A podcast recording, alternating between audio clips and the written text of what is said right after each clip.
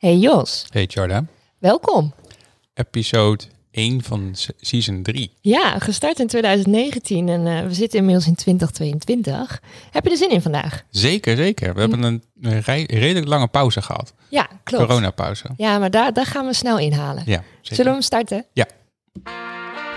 Tech, startups, business en Noord-Nederland. Welkom bij 20 voor 12 de podcast. Joshua Peper en Charda Polderman vragen hier experts het hemd van het lijf over zaken waar ze zelf niet zoveel van af weten.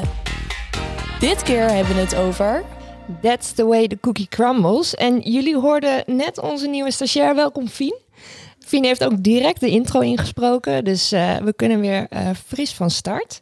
En eh, ik introduceer graag direct onze twee gasten. Ehm, links van mij Christian Brambergen. Welkom. Jij bent voor de luisteraars die vanaf seizoen 1 al luisteren, ja, voor nu voor de tweede keer in de show. Ja, dankjewel. Ehm, ik ga jou toch introduceren, want ja, ook eh, sinds 2019 hebben we nieuwe luisteraars erbij gekregen. Ehm, hetzelfde verhaal als de vorige keer. Mocht ik iets zeggen wat niet klopt, dan mag je dat verbeteren. Mocht je een leuke aanvulling hebben, dan mag je dat ook toevoegen. Maar eh, ja, laten we starten met wat jij in het dagelijks leven doet. Jij bent de co-founder van dataprovider.com. Ja. hè? Ja. En jullie bestaan al sinds... Ehm, iets meer dan tien jaar. Ik denk een jaar of twaalf nu. Ja, en jullie zitten in de mediacentrale. Altijd gezeten. Altijd al gezeten, wel inmiddels flink uitgebreid. Ja, en we zijn weer verhuisd. En we zitten nu eh, weer op een andere plek, maar nog steeds hetzelfde gebouw. Ja, dat is altijd goed om te horen. En je bent ook vriend van onze show. Ehm, maar naast co-founder Sterker, van... sterker nog, ik kreeg boze appjes dat de episodes op waren. Ja, laatst. daarom hebben we hem ook direct uitgenodigd. Ehm, maar je bent ook co-founder van Drie Kids. Ja. en je bent gek op startups, microsaas. Ja, misschien je- moet ik mijn Twitter-profiel even updaten. Dat Oh. vind ik minder interessant tegenwoordig, Ja? maar dat vond ik vroeger heel erg leuk. Ja. Eh, Kun je het kort toelichten waarom? Ehm, nou, ik denk dat ik mijn Twitter-profiel voor de laatste keer vier jaar geleden, vijf jaar geleden. Dat is wel lang geleden. Dat is Ja. nog best Maar actueel. gewoon, ja. nee, maar gewoon de eh, kleine dienstjes proberen, kijken of er publiek voor is. eh, dat vind ik altijd heel erg leuk. En eh, bij Dataprovider, eh ja, je was ooit code aan het kloppen. Is dat nog steeds wat je doet? Ja, want dat is het leukste dat er is, maar dat mag ik niet meer doen. Ehm, dat zijn nu anderen die dat nog beter kunnen dan ik. Eh, ik hou me nou meer bezig met de klantkant en de nieuwe producten. Leuk. En hardlopen, ook nog steeds grote hobby. En dat is waarom ik de podcast dus zo goed ken. Omdat altijd tijdens het, de lange sessies zet ik altijd zo'n podcast op. En dan het is altijd heel gezellig om naar te luisteren. Dus eh, ik heb nou ook echt het idee van, eh, wauw, ik zit er gewoon zelf in. Dus als je deze terugluistert, denk je echt van, oh, oké, dit is echt... eh, Ja, deze skip ik. Dat kan ik echt niet. eh. Nee, is dat zo? nee, zelf luisteren. dat En wij konden het eerst ook niet, maar Nee, je het- moet op gewoon zich went het wel. Ja, je moet dat gewoon doen. Maar ehm, om even terug te gaan naar dataprovider, want kun je kort uitleggen waar jullie eh, je mee bezighouden? Ja, de kortste uitleg is eigenlijk, wij maken een samenvatting van het internet. Dat doen we elke, elke maand, doen we dat opnieuw. En dan gaan we over ongeveer 275 miljoen domeinen eh, gaan we heen met een crawler. En dan maken we een gestructureerde samenvatting van elke website. Dus wat voor soort technologie zit erachter? Wa- waar gaat de website precies over? Ehm, waar wordt het gehost? Allemaal details. En jullie klanten zijn met name op zoek naar dat soort data vanwege, vanwege hun eigen onderzoeken of eigen dienstverlening. Ja, er zijn eigenlijk vijf Ja. use cases voor. De uh, beursgenoteerde bedrijven volgen, dat vinden fondsen heel erg belangrijk. Cybersecurity wordt voor gebruikt. Know your customers, zoals ze het noemen, wordt het voor gebruikt. En ehm, nou, stel je wilt alle webwinkels van een land weten of betaalmethoden, daar kun je zo'n systeem heel goed voor gebruiken. Nou, ik ben blij dat je er vanavond bent. En dan tegenover jou zit Aline Klinkbergen. Welkom. Ja, dankjewel. Eerste keer in de, in de podcast show. Ja, absoluut. Al eerder Ja. podcast gedaan. Nee, wel een keer een radio-uitzending. Oh, maar dit is helemaal nieuw voor mij. hetzelfde. Ehm, jij Behalve, behalve dat wij geen haast hebben. Dus bij radio is altijd haast en Ja. dat hebben wij niet. Kijk, nou, dat is mooi.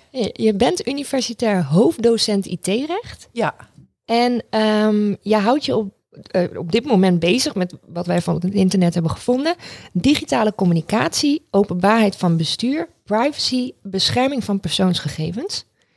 Ja Is dat nog steeds volledig? dat is nog steeds volledig. Ja, en dat doe ik al sinds, ja, ik denk 2003. Dus dat is al Oh, best ja. lang. Ja. Ehm, Want je bent sinds 2001 verbonden aan de faculteit rechtsgeleerdheid. ja. en ehm, toen eh, is er bij de rechtenfaculteit een opleiding eh, recht en ICT begonnen. En Ik denk dat ik in het tweede jaar of derde jaar dat die opleiding startte, ben begonnen met een vak te geven over ehm, ja, bescherming van persoonsgegevens. En dat hele onderwerp, dat kon ik toen in twee hoorcolleges behandelen.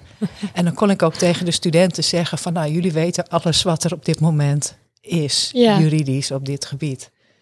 Ehm, ja, dat is enorm geëxplodeerd. Ja, want dat is ook de reden dat, dat we jou hebben uitgenodigd. Omdat het eh, eh, big business is op dit moment. Persoonsgegevens, daar gaat ook de hele show over. Ehm, maar wij weten je te vinden, maar de pers weet je ook heel goed te vinden. Want ik heb wat stukken teruggevonden in het Parool, Trouw, Dagblad van het Noorden, Nu.nl en daar blijft het niet bij. Ja, Is dat, hoe kan dat? Hoe, hoe weten mensen je juist zo goed te vinden? Is dat omdat je er veel ook over eh, schrijft en praat? Of? Ja, nou, ja ik, ik moet eerlijk zeggen, ik weet niet hoe ze mij weten te vinden. Maar dat komt misschien wel door, door, door publicaties of door, eh, door schrijven. Ehm, ja, En je zegt al, de hele tijd terug eh, kon ik het in twee hoorcolleges. Hoe ziet voor jou nu een normale werkweek eruit? Ehm, nou, het vak waarin ik nu het onderwerp privacy geef, dat bestaat uit eh 14 hoorcolleges inmiddels. Ja. En dat is niet meer volledig. Ik kan niet meer zeggen van nou, nu hebben jullie alle, alle regels en alle rechterlijke uitspraken op dit gebied hebben jullie te pakken. Dus dat, dat Ja. zijn dan echt de hoofdlijnen ervan. Ja. Ja, En we gaan zo meteen ook wat meer in op de, de ontwikkelingen van de afgelopen tijd. Ehm, en wat doe je buiten het werk om? Wat vind je allemaal nog leuk om te doen? Is dat ook hardlopen zoals Chris? ja, ja. Ja, dat is goed. Eigenlijk wel, Ja. Ja, ik luister nooit podcastjes tijdens het hardlopen. Wel eens tijdens het wandelen trouwens. Ik ga zondag, eh, of nee, zaterdag meedoen aan de Monnikenloop. Oh, Op Schiermonnikoog. Ja. Dus ik, ik zit in een hardloopgroepje en ik loop twee, drie keer in de week eh, hard. Dus Lekker. ja, met heel veel plezier. Al heel lang trouwens. leuk. Ja, Nou, gedeelde sport, Chris. ja. Maar ik doe dat dus ook wel eens, hè? Ja? Ja, ik ben daar wel weer een beetje mee gestart. Meen je niet. Ja, dat is bizar, hè? Ik, zie jou, ik kom jou vaak tegen trouwens, maar, dat, maar jij mij nooit. Nee. Wel jammer. Nou, deze week nog trouwens. Ja, ik, ik kwam ik jou tegen, want Ja. ik was op de, op de fiets. Hè? Jij was eh, op, eh, eh, op de hardloopschoenen.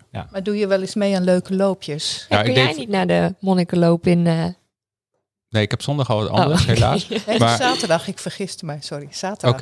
Nou, ja, eh, nee, zaterdag moet ik een kast bouwen bij mijn, bij mijn eh, zwager. Dus ook, dat is, nou ja, goed. Dat is ook een soort van eh, dure sport. Maar ehm, eh, ik deed altijd mee aan de 4 vier, vier mijl. Maar daar ben ik mee opgehouden toen ik bij een bepaalde vereniging kwam. En dat er altijd op hetzelfde weekend een uitje is. Dus dan, dan ga je daar niet meer heen. Maar, maar goed. Zullen we terug naar het onderwerp? Ja, want eh, ehm, waar we het vandaag over gaan hebben, ja, ik, ik zei het al, en eh, eh, het is That's the way the cookie crumbles. Ik dacht, nou, we maken eens even een pakkende titel. Aline zei vanmorgen heel terecht in een andere meeting, nou, die heb ik eerder gezien eh, op een scriptie. Ja, het- zo origineel waren wij niet meer. Nou, het, het- ik, heb, ik weet niet meer precies wanneer het was, maar 2013 of zo, een scriptie begeleid over dit onderwerp met ongeveer dezelfde titel. Ja, eh, cookie banners, hè? wat moet je daar eigenlijk anders Ja. nog eh, over zeggen? Ehm, maar het is een onderwerp eh, ehm, ja, wa- waarvan ik dacht, hé, daar moeten we een show van maken.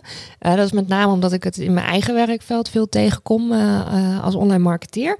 Maar er is veel meer aan de hand en niet alleen voor ons, maar voor eigenlijk iedere organisatie eh, is die ontwikkeling op het gebied van privacy en persoonsgegevens wel hot topic. Christian, jij zei al, we hebben daar echt iemand ook al voor in, in huis zitten die zich daarmee bezighoudt. Klopt. Maar, het, maar deze, deze aflevering gaat dus niet over de cookie-muur, maar over persoonsinformatie overzees bewaren.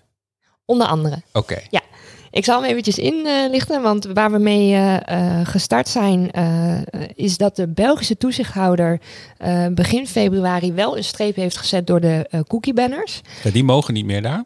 Nou, nee, niet zoals ze nu eruit zien. En daar kom ik zo meteen nog wel even op terug. Maar het gaat erom dat de manier waarop die toestemming voor het plaatsen van advertentiecookies is gevraagd, dat is in strijd met onze Europese privacywet. We hebben ook allerlei andere eh, wetten nog, maar ehm, de bedenker van die eh, eh, brancheorganisatie voor online reclame, dat is IAB Europa, die heeft ook nog eens een boete opgelegd gekregen van 250.000 euro. Dat Nou, valt wel mee, toch? Nou, ik vond het best fors. Nou, als ik zie wat voor boetes Google af en toe krijgt, dan... Ja, ja, maar dit is wel echt een wat kleinere organisatie. Google is Oh, natuurlijk immens. Ehm, maar daarmee is ook de aanval op het eh, eh, gebruik van advertentiecookies ingezet. Eh, Apple en Firefox waren een van de eerste die dit al in de band deden met de iOS 14.5, maar zij zijn daar al langer mee bezig. Firefox nog langer, om dat in de browser te blokkeren. Ehm, maar nu is ook Google van plan om in 2023 die cookies helemaal te gaan uitfaseren. Nou, en de reden dat cookie heel belangrijk is voor een, een online marketeer bijvoorbeeld, is omdat we dat gebruiken om mensen over het web te volgen. Ja, tracking noemen Ja. ze dat. En, en dat ligt nu helemaal onder vuur. En Christian, jij zei al, we zijn daar intern in de organisatie, hebben we daar eigenlijk al iemand voor zitten die die kennis meebrengt. Ja, en nog, nog als aanvulling op wat je net zegt. Die, Ja, Ik dacht, ik moet me natuurlijk even inlezen in het onderwerp. En ehm, waar ik toen ook achter kwam, is dat vroeger had je die third-party cookies. Hè? Dat was toen echt een ding. ja. En dus Wat, een paar wat jaar- is een third-party cookie dan ten opzichte van een... Ja, Nou, wat is het? Second of first-party cookie? dat wil Ja. jij me uitleggen, moet ik me uitleggen. ja, voor mij mag je, ik vul hem wel aan. Oké, als ik een fout heb, ja, moet ik zeggen. Hè? ik vul hem aan. Nou, zoals ik nu heb begrepen, is het altijd zo dat een third-party cookie wordt gezet door een ander domein. Dus als jij op een website komt waarop, eh, je komt op de HEMA, er wordt een Google Analytics ingeladen, dan plaatst Google Analytics een cookie bij jou namens zichzelf. Dat is dan een third party, want het is Ja, dat is hem. niet, niet de HEMA zelf. Nee. En wat je nu dus heel sterk ziet, want third parties mogen met veel browsers al niet meer, is dat je gaat alsnog naar de HEMA en Google Analytics heeft nog steeds een cookie, maar nu zegt hij erbij, nee, die is niet van mij. Die is, die is alleen vanaf de HEMA mag die gebruikt worden. Maar feitelijk gebeurt nog steeds hetzelfde natuurlijk. Hè? Het is nog steeds Ja. Google die de cookie plaatst. Mhm. Dus zoveel verandert er eigenlijk nog niet. Ja, en dan heb je dus inderdaad die first party data. Dat is data wat vanuit de organisatie zelf, dus wat dataprovider zelf in huis heeft. En dat zijn vaak gegevens over klanten. En dat noemen we dan weer first party data. Want jullie zijn de enige die, ja, die daar dan eh, Bij kunnen. het- bij kunnen. Ja. Ja. ja. nee, je hebt het helemaal goed uitgelegd. Ja. En jullie hebben dus al iemand in huis die zich daar druk over maakt. Ja, maar die, die zit vooral op GDPR. Dus dat gaat vooral over, hè, je mag geen, eh, we willen gewoon geen persoonsgegevens hebben. Mhm. En waar kunnen die dan precies in zitten? Hoe ga je daarmee om? Hoe lang bewaar je dat? Hoe verwijder je dat? Hoe zorg je ervoor dat je dat niet binnenkrijgt? Ja. En dat is om te zorgen dat je geen boetes krijgt, zeg maar. Ja, maar dat is ook omdat wij, wij hebben daar helemaal geen belang bij. Dus we willen het ook helemaal niet hebben. Nee, inderdaad. Dan moet je er ook op passen en dan is het alleen maar een risico. Ja, daarom. En je, en je noemde net al de GDPR, maar Aline, waar gaat die Europese privacywet nou eigenlijk over? Hoe ziet die in elkaar? Eh, ja, ik, ik denk dat het ten eerste belangrijk is, eh, dat zeg ik altijd graag, dat we die wet al, de, of de, de regels die in die wet staan al twintig jaar hebben. Dus zo nieuw is het niet. Alleen eh, nieuw is nu die hele hoge boetes en de toegenomen aandacht en schandalen die er zijn geweest met nou, Cambridge Analytica en Oh ja. gebruik van gegevens. Ehm, ja, waar gaat die wet over? Die gaat over het zorgvuldig omgaan met persoonsgegevens. En het is nadrukkelijk de bedoeling geweest van de Europese Unie bij deze wet, maar ook bij de voorganger ervan, om het doorgeven van persoonsgegevens mogelijk te maken. Dus het is niet de bedoeling geweest om dat te blokkeren. Als je daar heel juridisch naar kijkt, is die wet ook opgesteld vanuit de bevoegdheid om de gemeenschappelijke markt beter te kunnen laten functioneren. Ja. En tegelijkertijd moet dat dus plaatsvinden, het doorgeven van persoonsgegevens, met bescherming van de privacyrechten, de grondrechten van mensen. Dus dat Ja. is de bedoeling. Dus het is helemaal niet de bedoeling dat het alle doorgiftes eh, blokkeert, maar wel de bedoeling dat dat dan op een hele zorgvuldige manier gebeurt. En gebeurt dat? Nee, nee. Nee. En, en dat is ook wel mijn grote eh, nou ja, verbazing als ik dit. eh, ik vo- ik volg dit al heel lang. Maar eh, dat er de laatste jaren zo'n paniek is over die regels, dan denk ik, joh, eh, we hadden ze al heel lang. Jullie zijn daar een beetje laat mee. Ehm, en ik denk dat het heel goed is dat we ons realiseren dat we ook zorgvuldig omgaan met persoonsgegevens. Want ik denk dat we over 30 jaar gaan zeggen van joh, mocht dat doen? Ja. Hè? Net als, net als met, met eh, milieuvervuiling. Ik, ik, vergelijk het juridisch heel erg met hoe de regels met betrekking tot milieu en duurzaamheid tot stand zijn gekomen en hoe deze regels tot stand komen. En juridisch-technisch lijkt dat heel erg op elkaar. En ik denk 30, 40 jaar geleden was ook de tendens van, nou ja, we, we lozen op rivieren, we lozen in de lucht en dat kan allemaal. En als je daar strenge regels aan stelt, dan beperk je de industrie en het is slecht voor de economie. Ja. En nu denken we, joh, mocht dat toen allemaal? Ja. Gebeurde dat? Nou, dat gaan we ook zien met, met data en het gebru- gebruik van data. Daar ben ik echt van overtuigd. Dus ik, ja, ik, ik vind ook dat bedrijven moeten ophouden met klagen over, eh, over die AVG. En Ja. ja, zich er gewoon aan moeten gaan houden. En niet steeds de grenzen en de randen van de wet op moeten zoeken. Want, Christian, zijn jullie daar dan, denk je, al uniek in? Dat jullie daar toch heel duidelijk van hebben gezegd dat is niet iets wat wij in huis willen hebben? Nou, ik denk dat heel veel bedrijven er al wel heel serieus mee bezig zijn hoor. Ja.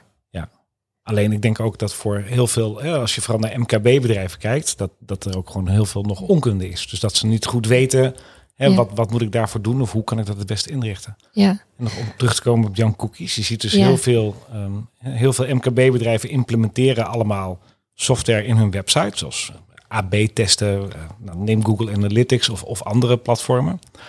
En eh, nou, tegenwoordig moet je dus toestemming vragen om cookies te plaatsen. Maar heel vaak is er ook zeg maar, echt onkunde dat men niet weet van ja, hoe, hoe implementeer ik dat nou precies. Ja. Dus worden die cookies alsnog geplaatst. Dus het is, het is ook een beetje onkunde van, van, van heel veel MKB'ers, denk ik. Maar is dat niet ook een beetje gewoon luiigheid? Dat ze, ik bedoel, de, de, de kans dat, eh, dat zij daar een boete voor krijgen is natuurlijk niet zo groot. Ja, dat zou kunnen. Volgens mij wordt er niet op gehandhaafd. En die hele, eh, hele cookie walls, iedereen drukt toch wel op, op ook, want anders kan je niet verder. ja. Dus ja, Ja, die handhaving die, die, die begint nu eh, te lopen. Eh, er is ook een overzicht, ik heb even die website niet paraat, maar van boetes die alle toezichthouders eh, geven. En eh, de Nederlandse autoriteit persoonsgegevens is nog redelijk restrictief. Die, die Ja. heeft nog niet heel veel boetes gegeven, maar toch inmiddels al wel een flink toch ja wel een aantal. vooral maar- aan ziekenhuizen en zo zag ik. eh, ik denk Ja. van, nou, dat zijn nou... De, dat zou- Ja. als maar iemand dat- de boete zou geven, dan zou ik dat... eh, ik bedoel, ik snap dat ze dan misschien dingen niet goed doen, maar dan weet ik nog wel wat anderen die zeg maar de wetten overtreden, die dat... Ja, maar het is tegelijkertijd ook wel, ook wel eh, een goede keuze. Want dat zijn organisaties die al heel lang weten dat ze zorgvuldig met data moeten omgaan. Ja, dat En wel. dat ja. ook doen. Eh, ook, ook niet alleen vanuit de AVG, maar ook vanuit andere wetgeving en vanuit het medisch beroepsgeheim. Dus die daar al heel lang mee bezig zijn. En die ook heel veel gevoelige gegevens hebben. Die patiëntengegevens. Ja, Dus ja, je wil zeker. niet dat dat. eh, Mhm. Dus dat, Ja.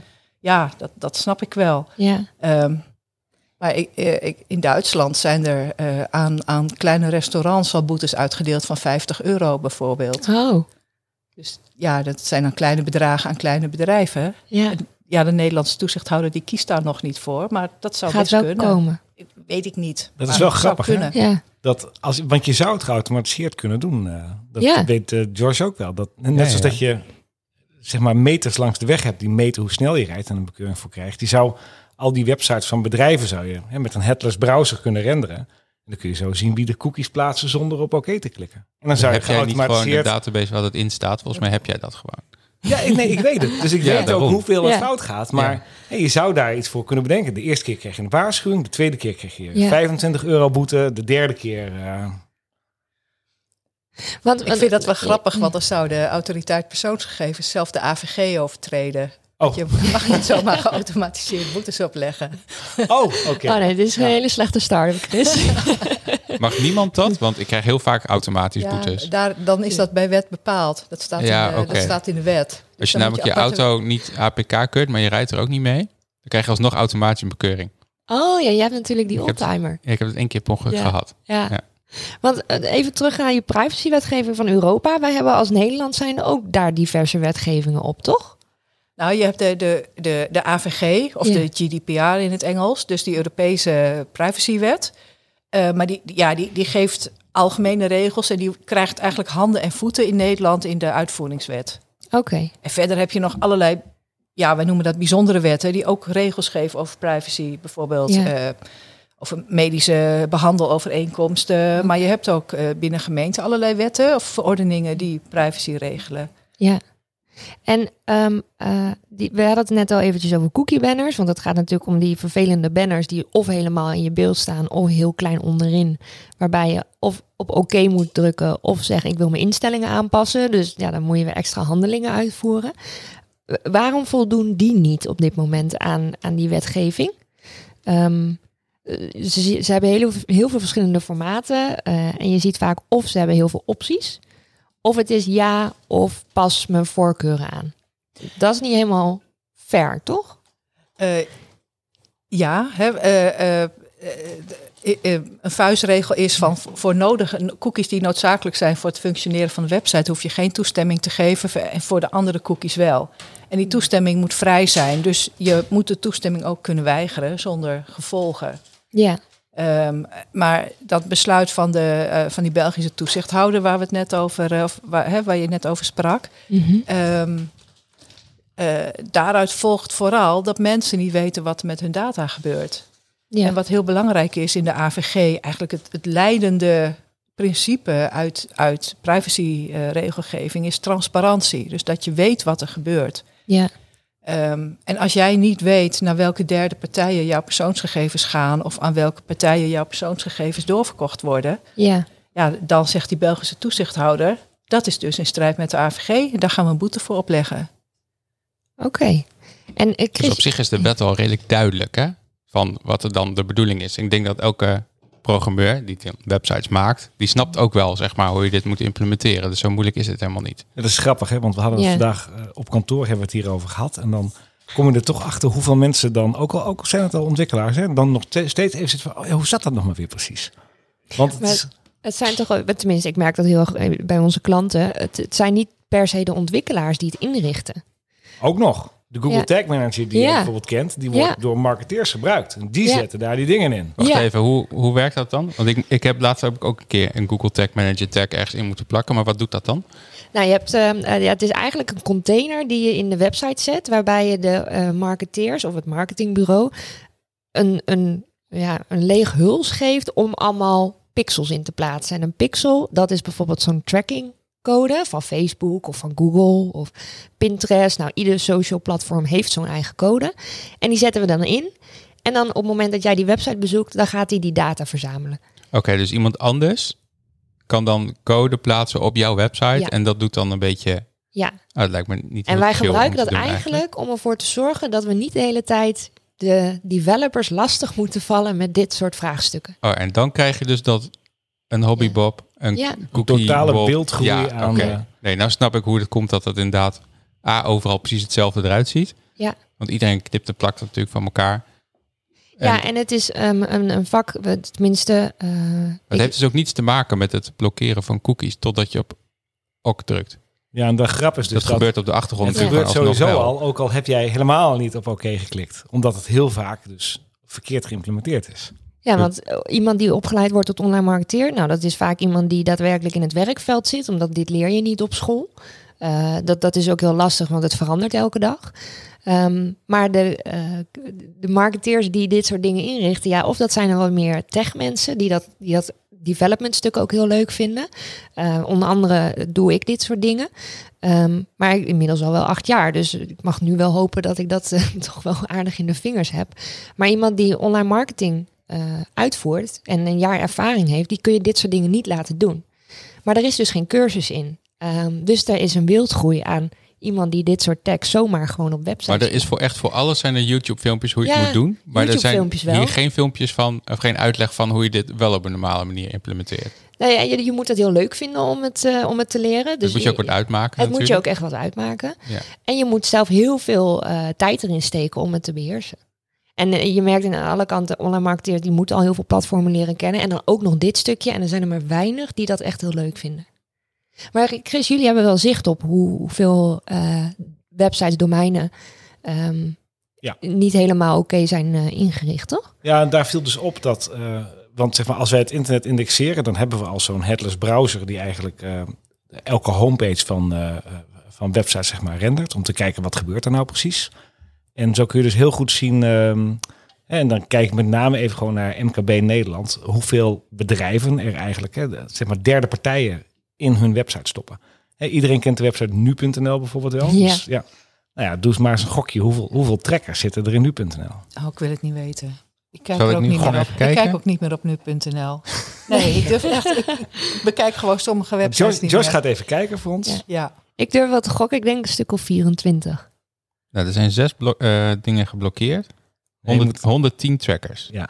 En het loopt soms op tot 170. Dat is een beetje afhankelijk van wat er wordt ingeladen. Want zoals Tjarda net al zei, de, De Google Sommige dingen is ook Manager, die laat 26 weer- keer. Ja, die laat weer nieuwe dingen. Ja. Maar Als je naar nu.nl gaat, daar wordt dan een, eh, een, eh, nou, daar wordt dan een trekker, eh, of sorry, een, nou, zeg maar een container wordt ingeladen. En Ja. in die container zitten weer 25 nieuwe eh, trekkers of eh meettoestanden. En Dat is- zijn er echt heel veel. Het is echt heel erg veel.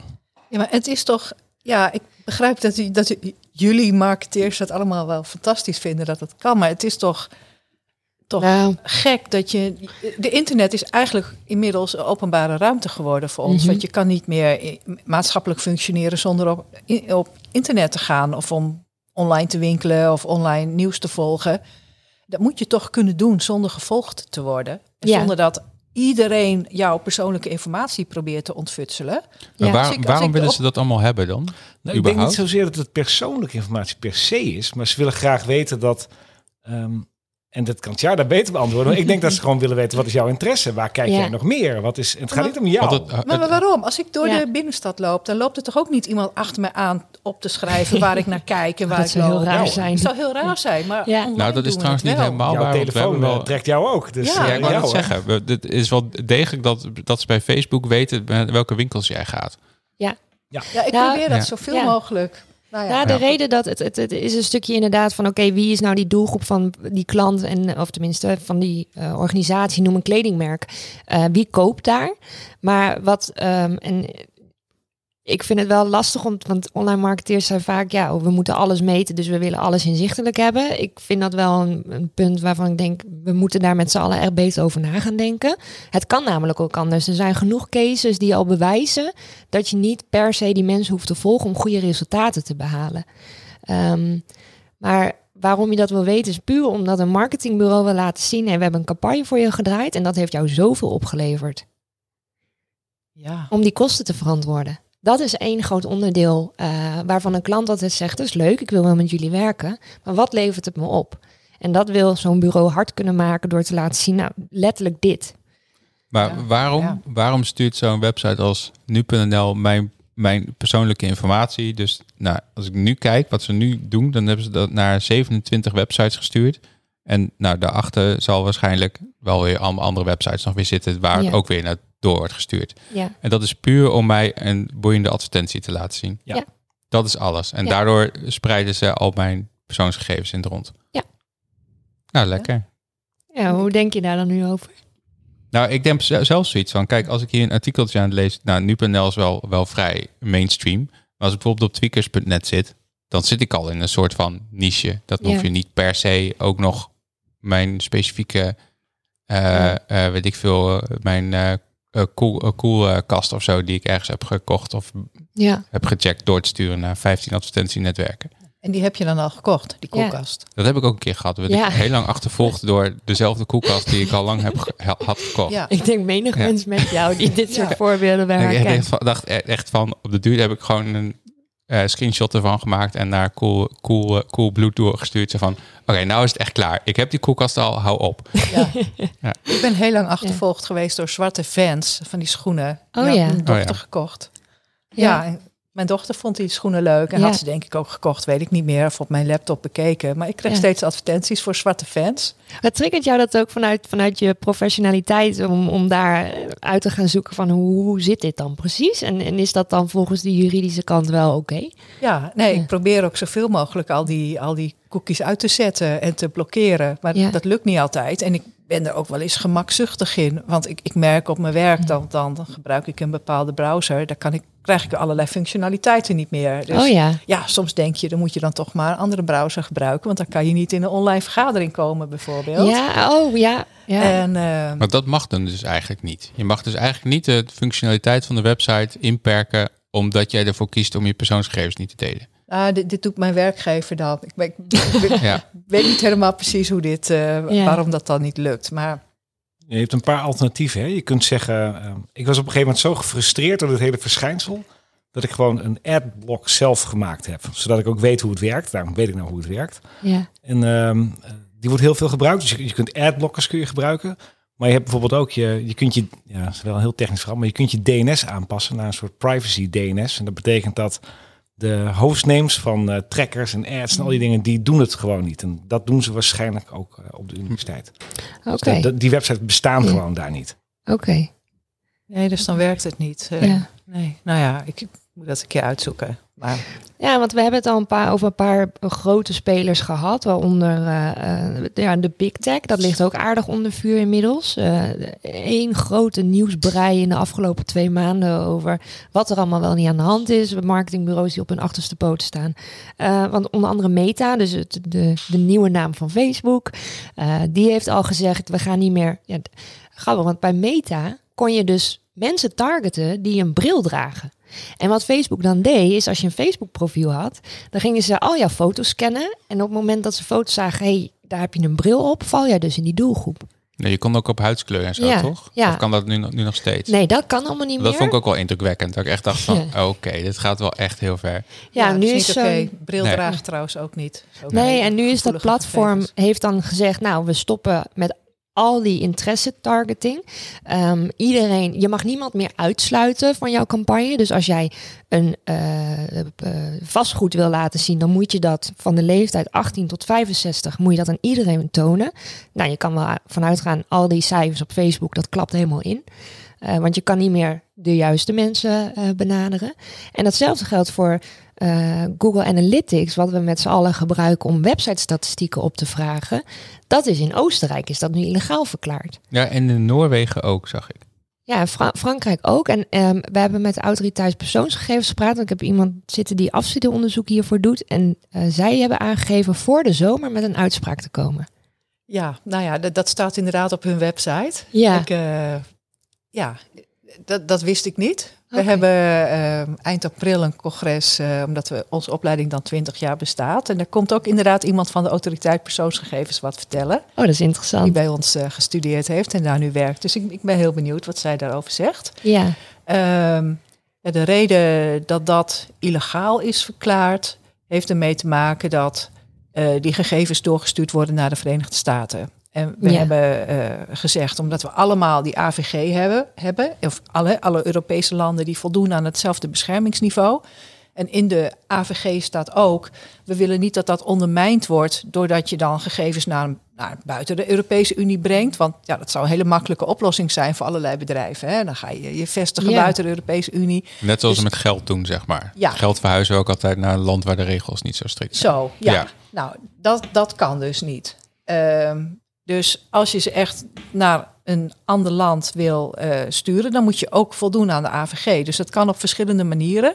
Maar de Verenigde Staten voldoet niet aan een passend beschermingsniveau. En dat komt door de bevoegdheden die de overheid heeft en door het gebrek aan bescherming van burgers. En dat Wat is die we zogeheten hadden- Cloud Act, is dat toch? Dat de Amerikaanse overheid heeft altijd het recht, eh, als er een Amerikaanse entiteit bij betrokken is, om op die servers rond te neuzen. Ja, en die, ook al die heb je een heel veel. Luxemburgs bedrijf. Ik deed even aanhalingstekens Ja. voor de luisteraar. Ja, Ja. ja. die, mogen, die, die mogen heel veel. Ja. Eh, Dus dat is heel moeilijk om dat goed te krijgen. ja. Ehm, En dus blijkbaar helemaal niet mogelijk. En daarom, daarom mag het dan straks niet meer. Maar dan geldt het ook voor meer, of niet? Want er zijn heel veel van die, eh, eh, van die test, testapplicaties, tracking applicaties die in Amerika gehost worden. Dus daar Ja. zou het dan ook voor gelden. Ja, daar zou het ook voor gelden. Alleen, ehm, kijk, eh, zo'n toezichthouder die doet eh, die. Die Oostenrijkse toezichthouder die heeft daar een besluit over genomen omdat er een klacht bij hem is ingediend. Oké. En die klacht is ingediend door, eh, door Max Schrems. Dat is, is een Oostenrijker. Die, die eh, procedeert al jaren tegen Facebook. In 2015 is er al een uitspraak geweest over, eh, over het doorgeven van gegevens door Facebook aan de Verenigde Staten. Ja, die hadden toen vanuit Ierland het doorgegeven naar de Verenigde Staten. En daar hebben ze toen een hele dikke boete voor Oh gehad ja, ook. ja. Tenminste, dat had ik gevonden in mijn onderzoekje. Ja, nou, toen, heeft, toen heeft dus het Hof eh, van Justitie van de Europese Unie gezegd van nou, dat kan dus niet. Nou, toen is daar weer opnieuw over geprocedeerd. Weer gezegd dat kan dus niet. En eh, nou, nou heeft hij geklaagd bij de Oostenrijkse toezichthouder. En die zegt ook weer van nou, dat kan dus niet. Want de Verenigde Staten geeft geen passend eh, beschermingsniveau. Dus ja, op, op zich is dat ook, ook niet heel erg nieuw. Maar het is wel heel lastig om dat dan goed te regelen. Ja, je zou er ook voor kunnen kiezen om die data dan in de Europese Unie te houden. ja. Maar heel veel bedrijven zeggen dus, die hebben dus een een of ander overeenkomstje. En daar staat in, eh, wij eh, bewaren jouw data in de Europese Unie. Op servers bijvoorbeeld in Amsterdam of in, eh, hoe heet dat nieuwe datacenter wat ze gaan bouwen bij Zee, Zee, Zeewolde. Zeewolde. Of, Mhm. of niet gaan bouwen, Niet maar gaan waarschijnlijk bouwen, wel. Niet gaan Nee, nu bouwen. niet. Ik denk het wel. Maar ehm, eh, dat is dan ook niet geldig. Als het in de Europese Unie blijft, dan is deze angel eruit. Ja, maar zij kunnen niet garanderen dat de Amerikanen niet op die servers mogen kijken. Want uit, in, als, je, als je helemaal, helemaal door gaat kijken naar hoe die organisatie in elkaar zit, in die end zijn ze gewoon een, eh, een eh, Amerikaanse entiteit. Ja. Dus mag je op die servers rondneuzen. Ja, dat is nog wel een probleem. Ik Ja. weet niet zeker hoe, of, want daar Apple procedeerde daartegen, tegen de Amerikaanse overheid, om dat te voorkomen. Omdat ze dus Ja, zelf klopt, ja. die, veiligheid wilden bieden. Ik weet niet zeker wat daar uitgekomen is. Ik weet niet of jouw onderzoekje dat heeft uitgewezen, of dat dan nou, dit niks is, is, dit, is, uitgekomen. dit is wel een issue in ieder geval. Ja, Er zijn ook eh, eh, overheden bijvoorbeeld, die willen geen zaken meer doen met eh, Microsoft, met zijn Azure Cloud en eh, met eh, Am- Amazon Web Services. Ja. Want ook al zijn dat dan officieel Europese entiteiten, ze hebben een moederorganisatie die dan wel uit de Verenigde Staten komt. En dan via die route mogen ze dan alsnog op die servers rond, rond, eh, rondkijken. Maar de data staat in Europa. De data fysiek staat in Europa. Maar het is internet, hè? Probleem opgelost, zou ik moeten zeggen. Jij Ja, kan we ook websites scrollen in de Verenigde Staten vanuit Absoluut. Europa. Dus ja. maar de Amerikaanse overheid zegt van nou, het is een Amerikaans bedrijf. Dus wij hebben rechtsmacht over dat Amerikaanse bedrijf, ook al zit het in de Maar, Europese ook, maar ook met alles wat eronder zit. Ja, maar de- toen, toen het Oostenrijk met die uitspraak kwam, toen weet ik wel dat, nou, dat was eh, eh, voor heel veel nieuwswebsites was dat toch wel eh, eh, het berichtje van de week. Eh, want dat betekende ook iets voor ja, hoe wij in Nederland met bijvoorbeeld een, een platform als Google Analytics omgaan. Eh, Chris, kun jij iets zeggen over hoe groot dat marktaandeel van zo'n tool nou precies is? Hoe, Nou, erg. Google Analytics is by far het allergrootste wat er is. Ja. En, eh, eh, ik kan mijn laptop er zo bij pakken om te kijken hoeveel het exact is. Het is wel dalend, een heel klein beetje dalend. Mhm. Maar de volgende grote analytics partij die er is, die is nog geen 10% van wat Google Analytics is. Zo groot is het. En ook Ja. Amerikaans zeker, of niet? Of dat nog net niet? Nee, volgens mij eh, was dat Russisch. Dat was eh, Yandex? Yandex. Oh, ja. Yandex Metrica, dat is de tweede. En Ik Baidu. niet, dan heb ik nog niet van Google Analytics. En Bai- Baidu, Ja, ik, de Chinese, dat is de derde. Baidu. Oh, Oh ja. ja. ja. ja. Maar da, da- ja, dan komt het toch allemaal wel uit landen met een wat eh, rare overheid. Ja, maar er zijn ook heel veel, er zijn heel veel, eh, er zijn heel veel goede initiatieven die een eh, alternatief zijn voor Google, wat wel uit Europa komt. Maar als je kijkt naar hoe groot, die zijn gewoon heel erg klein. Dat, Nee, maar En die, die hoe- worden hoe- dus ook niet groot, omdat Nee. Google zo machtig is. Hè? Waarschijnlijk. Maar Ja, en het- hier, hier- ja. maar dit is een ander punt. Maar eh, eh, de marktmacht is natuurlijk ook wel, wel een probleem hier. Hè, dat Ja. wordt ook wel vanuit mededinging aangepakt. Mhm. want, want het geeft ook anderen geen eh, mogelijkheid om te groeien of om een, hier een bedrijf in op te zetten en er groot in te Ja, Dan worden. moet je voorstellen dat je 90% van de websites een trackingcode in gaat plaatsen en je dat moet faciliteren voor gratis. Ja, dat is het grootste dat issue. kan hè, gewoon want- niet. Dat kun je gewoon niet ophoesten. Nee, de partijen die wij spreken, die hier ook daadwerkelijk naar vragen en zeggen, nou, wat is een andere optie? Ja, dan ga je per maand ga je gewoon een abonnementsvorm hebben. Dan betaal je die partij om zo'n analytics tool te mogen gebruiken. En voor organisaties die zo groot zijn als bijvoorbeeld de Rijksuniversiteit, ja, dan, dan gaat dat best wel heel erg in de centjes lopen. En een tool als Google Analytics eh, is voor heel veel partijen gratis. Je hebt ook wel een betaalde variant daarvan. En dan, dan praat je ook wel over een paar duizend euro in de maand. Maar omdat je het gewoon gratis mag gebruiken, ja, dat, dat scheelt in het marketingbudget. Dus de overstap om te zeggen, we kiezen voor een andere partij, ja, die, die, die wordt gewoon niet gemaakt. Want dan zeggen ze, daar hebben we geen geld voor. Ja, dat kan ook niet uit. Dus Ja. dat, Ja, Ja. ja, Maar je betaalt dus met de data van Ja. je gebruikers. ja. en, en ook ja, dat is vaak een, een moeilijke discussie. Want ja, het is niet, niet van mij. Dus Nee, ja, ja. Nee maar ja, ook, ook daar komt nieuwe wetgeving eh, over vanuit de Europese Unie. Om, om gebruikers meer eh, zeggenschap te geven over die data. Ja, want krijgen wij nog een nieuw soort samenwerking met de Verenigde Staten als het gaat om dataverwerking? Ik, ik, ik weet dat niet. Ik verwacht het wel. Hè, want eh, de eerste uitspraak, na die eerste uitspraak is er een nieuw besluit genomen over samenwerking met de Verenigde Staten. Dus je zou verwachten dat er nu weer een, een derde besluit genomen zou worden. Maar ja, het is wel heel lastig. Als je ziet hoe, eh, om welke redenen het Hof eh, dat besluit ongeldig heeft verklaard. Ja, Ja, dan, dan is het wel lastig om dat goed te krijgen. Ja, Dus het ik- gaat lang duren. Ja, dat lijkt me wel. Ja. Ja. Chris, is het voor jullie ehm, eh, als organisatie die veel handel doet in de Verenigde Staten, krijgen jullie dit soort vraagstukken ook? Hoe gaan jullie om met bepaalde zaken? Ja, dat is heel actueel.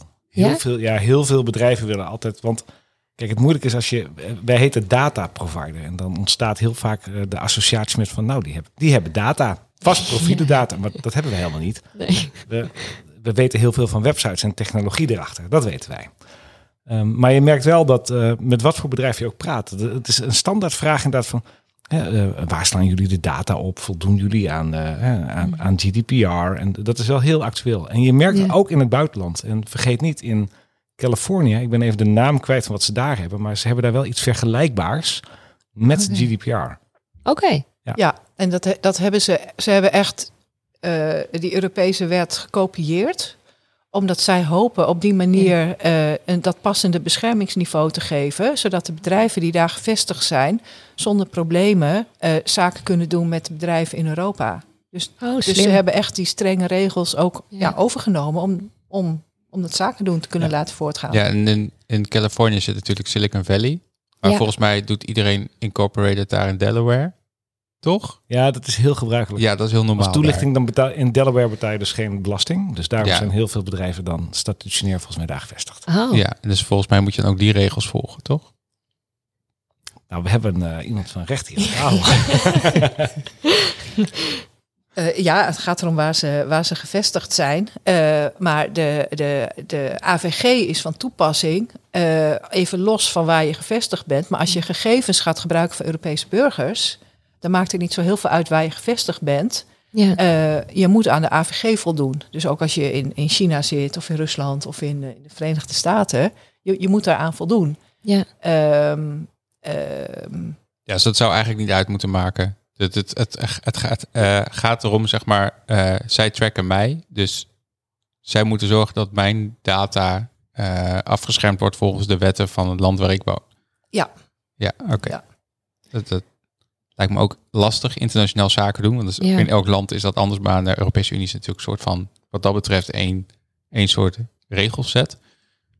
Het is lastig, want Ja. er is een, eh, een eh, geval van Locate Family, geloof Ja, Locate Family, die, die, eh, die, die trekte ook mensen. En ehm, ehm, ja, dan kon je je familie vinden. En eh, die zaten in Canada, eh, maar die hadden geen vertegenwoordiger in de Europese Unie. Dus ja, die overtraden de AVG. Oh ja. En eh, de toezichthouders wilden ook boetes opleggen. Maar ja, als, als zo'n bedrijf niet te vinden is of geen vertegenwoordiger heeft in de Europese Unie, dan, dan is dat lastig. Ja, Ja, dan gaat de dus Europese autoriteit zou dan een bekeuring sturen naar iemand in Canada. En die gooit die gewoon weg. En die denkt gewoon, nou, sterkte er verder mee. Ja, Daar komt het dan op neer. ja. Is Ja. dit ook Dus dat wel, is wel een- lastig nog. Ja, een start voor heel veel organisaties die, waarbij we meer handel gaan doen binnen Europa. In plaats van met big tech in, eh, in de Verenigde Staten. Dus zie je, die, zie je zo'n trend ontstaan? Ik hoop het. Ja. Ik, ik kan niet zien of die, die trend er is, maar ik, ik hoop het. Ja. Eh, en ik, ik hoop dat er dan een, wat veiliger internet bestaat. Of, of bedrijven gaan ontstaan die zich, eh, die, die zich aan die regels gaan houden. En, en zorgen voor een, een internet waar wij met z'n allen ook veilig aan deel kunnen nemen. En een internet dat, ehm, dat, dat, niet, dat niet polariseert of, of bestaande tegenstellingen vergroot. Want dat vind ik het nadeel van die marketing. eh, Ja. Wat jij ook beschrijft. Ja. Van je, je kijkt naar die groep mensen waarvan je weet dat ze het product wel kopen. Maar er is misschien ook wel een groep die ook wel in aanmerking wil koop, komen voor het kopen van een bepaald huis of het Ja, krijgen van een bepaald product. En die krijgen dan het aanbod niet. Dus ehm, ja, de bestaande tegenstellingen worden alleen maar vergroot. Ja. En ik denk ook altijd, ik, maar ik, ik, ik weet daar dan net weer wat te weinig van hoor. Maar als je bijvoorbeeld zou willen voorspellen wie onze nieuwe minister-president wordt en je kijkt naar de huidige gegevens, dan krijg je toch weer een, een blanke man van ongeveer 50. Maar het is toch de Mhm. komende tien jaar hebben we nog steeds Mark Rutte, toch? Die, dat, Ja, die gaat dan nooit meer weg, toch? maar- Oké, dan komen we echt niet vanaf Nee. hoor. Nee, maar wat ik wil zeggen is dat je Ja. dus met, met die oude data, Ja. dan verandert er ook niks. Want je Nee. voorspelt wat er was. J- Jullie kunnen wel, eh, je- eh, de console data provider wordt wel gebruikt om naar trends te kijken, toch? Ja, daar kun je heel duidelijk trends in zien inderdaad. Ja, Ja, maar dat is, jullie hebben openbare webdata. Dus het gaat echt alleen maar om wat, wat kan iedereen vinden en dat haal je naar binnen. Ja, het is eigenlijk, je moet het zien als hetzelfde als Google of Bing. Dus het is een crawler die over het internet loopt. En die Ja. volgt daarbij ook uh, dat hele Bing is even voor de luisteraars, dat is een zoekmachine van Microsoft. En wordt toch echt wel door een paar procent van de mensheid gebruikt. Maar hij is er inderdaad, dus dit is een alternatief. Um, en daarbij houden wij ons gewoon aan de regels die daar gelden. Dus als jij Ja. zegt, een robot mag hier niet komen, dan komen we er ook niet. Oké. En dan elke maand dan indexeren we dat hele internet opnieuw. En doordat je dat doet kun je dus heel duidelijk zien. We hebben bijvoorbeeld toen in Oostenrijk Google Analytics niet mocht. Uh, dan verwacht je dus van nou, dan zal het aantal uh, websites met Google Analytics wel afnemen. Nou, dat is niet gebeurd. Maar ja, en ik Ja. denk ook dat jij zei net van Zweden dat of Noorwegen, zei je dat? Ja. Dus dat Noorwegen, daar ook, ja. ja. nou, ik denk ook niet dat dat zoveel impact heeft, want het gaat om zoveel websites. Er zijn zoveel Ja. MKB-bedrijven met een website. Het gaat om uh, Ja. Alleen al in, in Europa zijn het volgens mij, even uit mijn hoofd hoor, iets van 74 miljoen websites. Nou, die moeten allemaal geüpdate worden. Nou, zet hem op. Maar iemand kan bij jullie gewoon dat zo van, hey, laat mij maar zien wie, eh, wie niet voldoet zometeen. Ja, dat, je kunt dat wel, je kunt dat heel mooi zien inderdaad. Ja. Ja. Oké. En, Misschien en- nieuwe klanten. Misschien toch maar geautomatiseerd gaan handhaven dan. Ja. ja. Nou je ja, hoeft kijk, we kunnen toch verkeersdienst sturen met de Ja. post? Ja. Nou, waarom kunnen we dat niet geautomatiseerd doen? Maar Ja. dat, dat moet de overheid zelf doen hoor. Wij zitten niet in de Nee. hoek van boetes uit. Word je ook niet heel, heel populair van, denk ik hoor. Als Nee, je dat denk ik ook niet. mee gaat werken aan het uh, in uh, grootschalig uitdelen van boetes. Ik vind het wel een leuk idee. Ja. We- je hebt ook wel van die, van die uh, toko's die uh, boetes naar mensen toesturen en hopen dat ze ze overmaken. Dat Ja. je wel. Dat heet phishing, toch? Phishing. Dat is phishing. Ja. Ja, Ja. maar dat, dat werkt best goed hoor. Ja. Heb jij uh, wel eens geprobeerd? Ik, wij, wij deden vroeger uh, deden we heel vaak phishing bij ons op het werk. Gingen we kijken of mensen erin gingen trappen. En waarschijnlijk was dat ook Best wel vaak wel. Ja, dat werkt heel goed. Om ook uh, voor de luisteraars even een, een handvat te geven na, na dit- al dit nieuws. Uh, hoe kunnen we omgaan met privacy kwesties? En is er, is er in, op zeer korte termijn voor organisaties een oplossing?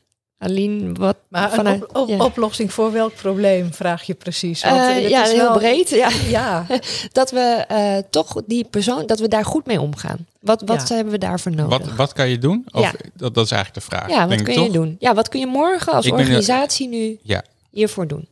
nou, ik, ik denk stap 1 is ehm, eh, je bedenken eh, waarom je gegevens wil hebben, wat je ermee wil doen. Dus welk doel je hebt, dat, dat is stap 1.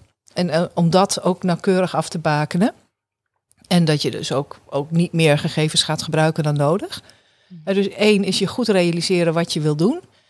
Ehm, en twee is transparant zijn in, in eh, wat je doet en waarom je het doet. En dat ook vertellen aan, aan, aan de mensen. Want ik zeg altijd, als ik de privacyvoorwaarden niet snap... en dat geldt niet alleen voor mij, maar dat geldt voor iedereen... als je niet begrijpt wat er met jouw gegevens gebeurt... dan is dat al onrechtmatig. Oké, Dat mag heel dat niet. duidelijk. Ja. ja. Ja. Gewoon helder en transparant communiceren. Ja, en bijvoorbeeld door middel van iconen of, of Ja. plaatjes, maar gewoon ge- geen, geen juridisch taalgebruik waar we niks van begrijpen. Nee. Ja, wat wij juristen misschien heel leuk vinden, maar de rest van Nederland niet. Nee. Ehm, het TikTok heeft een boete gekregen omdat het zijn privacyvoorwaarden in het Engels had, terwijl het zich richt op kinderen. En ja, daarvan Oh, zegt ja. de autoriteit van, nou ja, maar dat, dat snappen die kinderen niet. Dus onrechtmatig, Oh. dus een boete. Ja. Ja, Oh ja. Dus dat moet in de taal van wat het kind spreekt. het moet begrijpelijk zijn voor de doelgroep waar, waar je je op richt. Oké. Ja.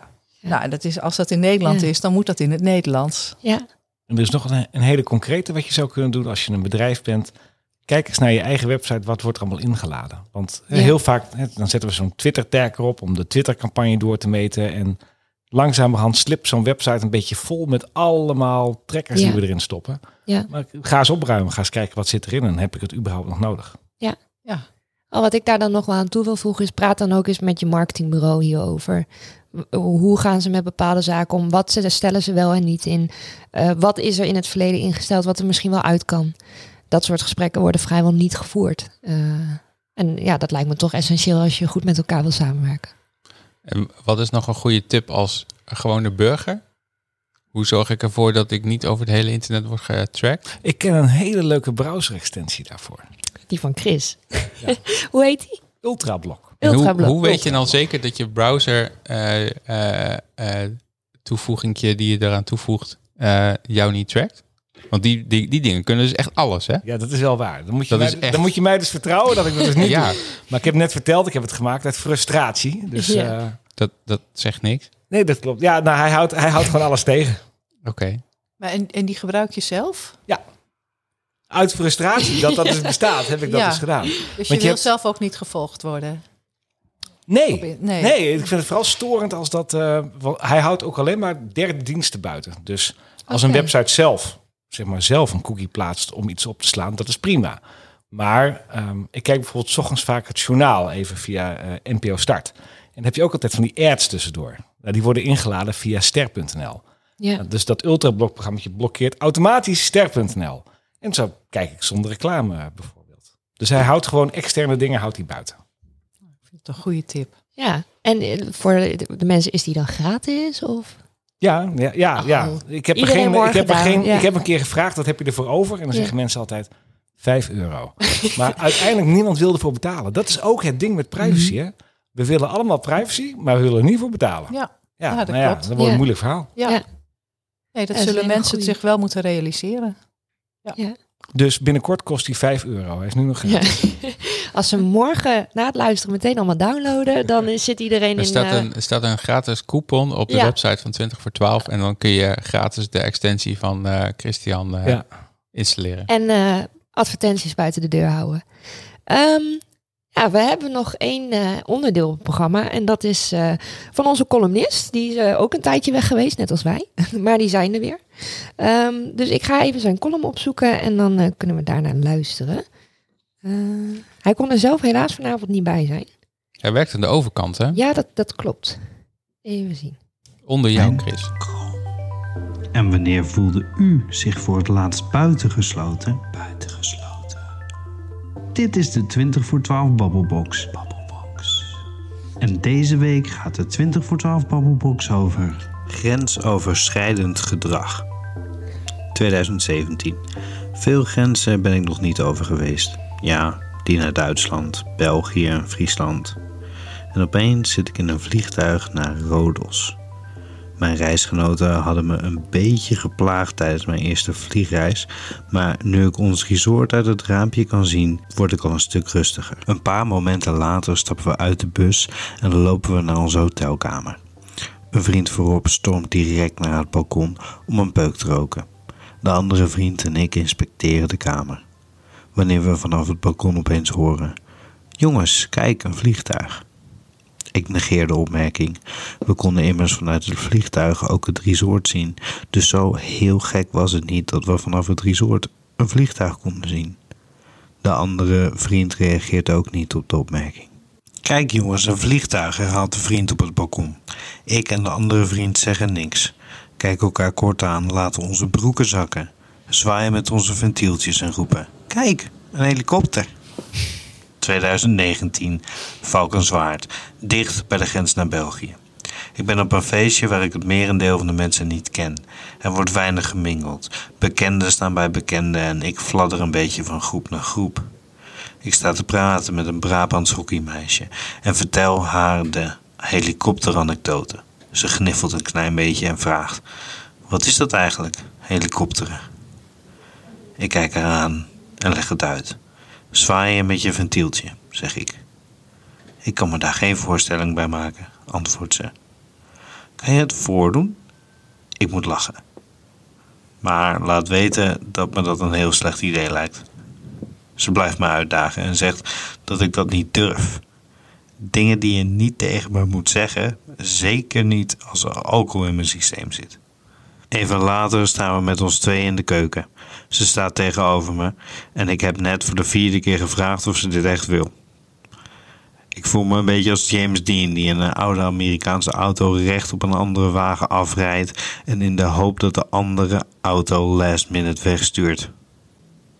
Ze houdt voet bij stuk. En ik dan ook. Laat mijn broek zakken. Doe twee rondjes en berg de boel weer op.